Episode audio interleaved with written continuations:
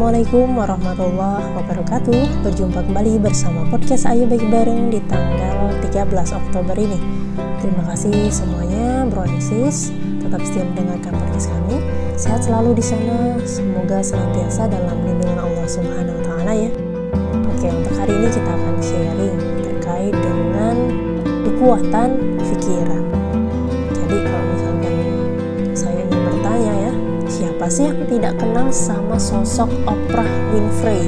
Nah, beliau ini adalah seorang pembawa acara yang dia itu membawakan sebuah talk show dan ternyata termahal di dunia.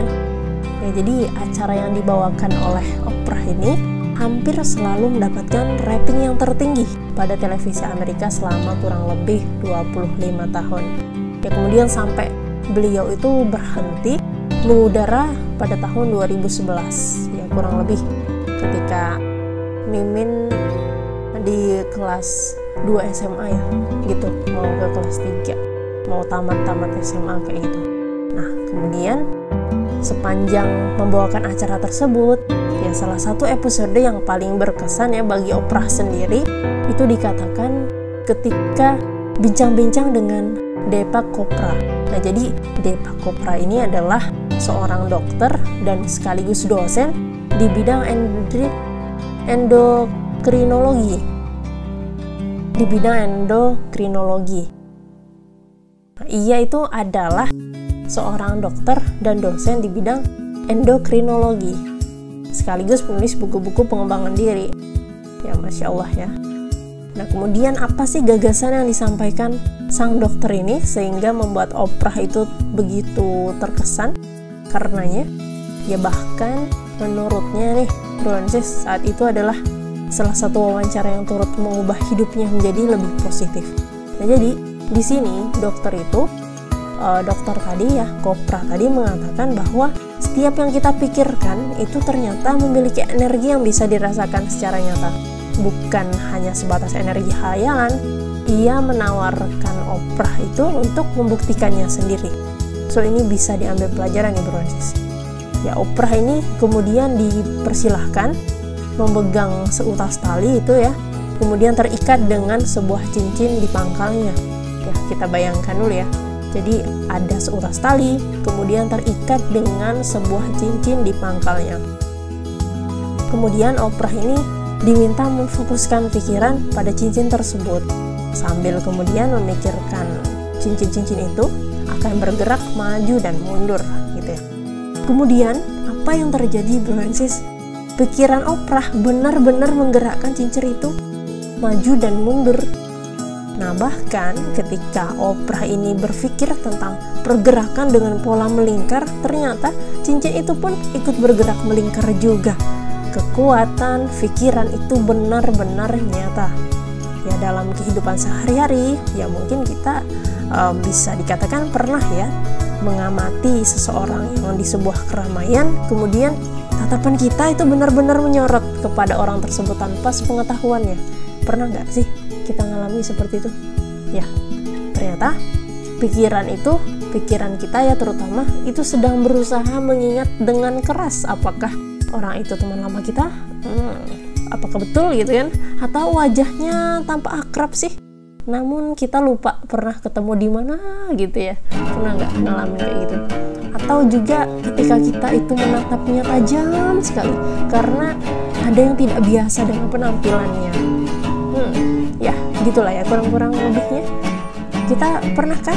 Pasti pernah lah ya uh, menatap seseorang sebegitunya ini kenal nggak ya? Ini siapa ya? Gitu kan.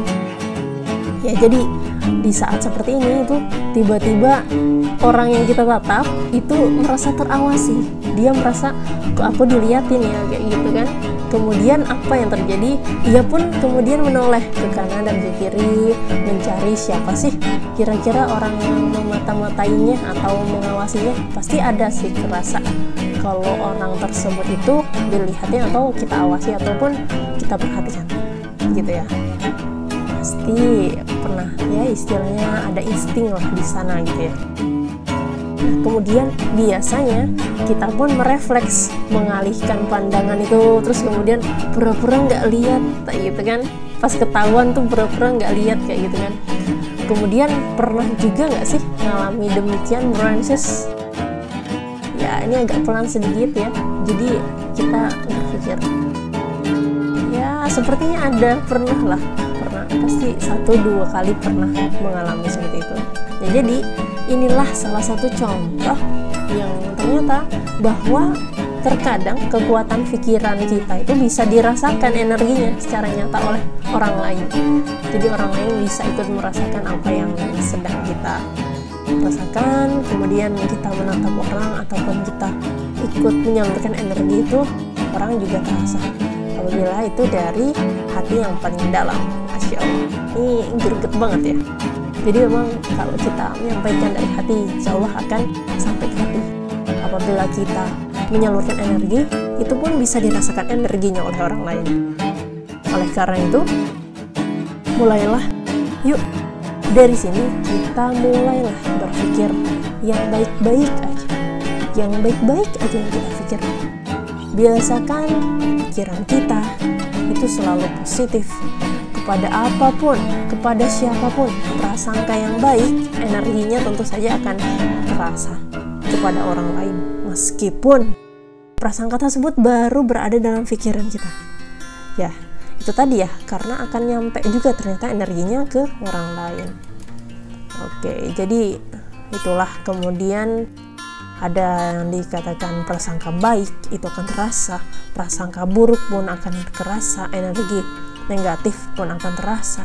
Ya kemudian inilah sebabnya Francis kita itu disunahkan untuk apa? Untuk mendoakan orang lain saat bertemu dengan salam. Jadi ada ungkapan bahwasanya memang kita ketika bertemu orang meskipun itu tidak dikenal maupun kita kenal kita ucapkanlah salam saat bertemu. Ya, semoga keselamatan bagimu serta rahmat dan keberkahan Allah juga untukmu. Itu pula alasannya kita diperintahkan untuk senantiasa tersenyum. Ya, apa pun keadaannya ya, kepada siapa pun dengan senyum yang ikhlas, dengan senyum yang memuliakan, dengan senyum yang diiringi dengan mendoakan kebaikan di dalam pikiran kita. Senyummu terhadap wajah saudaramu adalah sedekah sebagaimana hadis Rasulullah dalam riwayat Tirmizi tersebut ya bro bahwa memang ada pahala tersendiri terhadap orang yang tersenyum kemudian tulus diberi ganjaran seperti pahalanya berbagi. Wah, tanpa muri mengurangi sedikit pun pahala orang yang memberi senyum tersebut. Ya sebab apa? Hakikatnya kita memang sedang berbagi energi yang baik saja pada orang lain.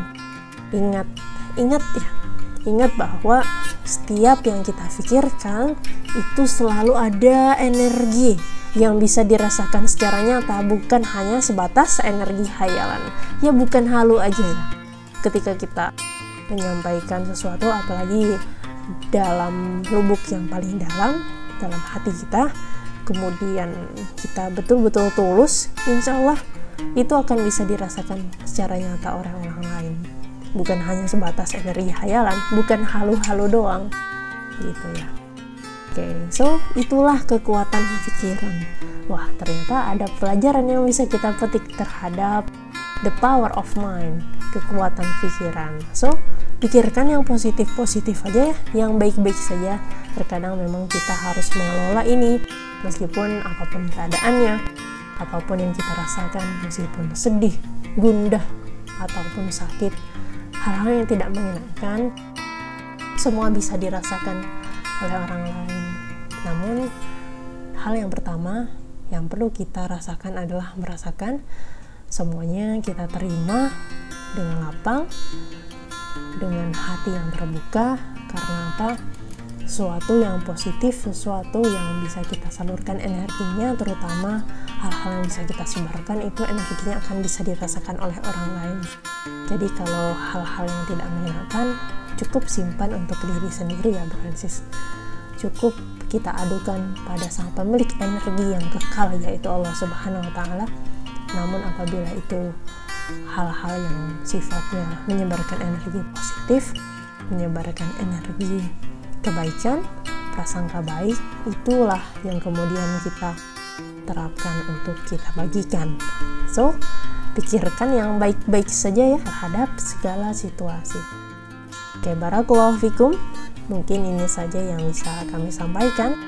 Ya jadi doa ini bro ini kami sebetulnya ingin mengudarakan podcast kami yang kolaps bersama sahabat kami di Wibu Area.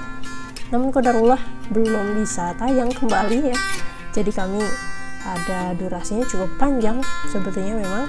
Mungkin ini yang mempengaruhi untuk siapa belum tayang di podcast. Oke kita doakan semoga segera tayang ya. Oke terima kasih telah mendengarkan podcast kami Stay tune bersama podcast Ayo Baik Bareng. Wassalamualaikum warahmatullahi wabarakatuh.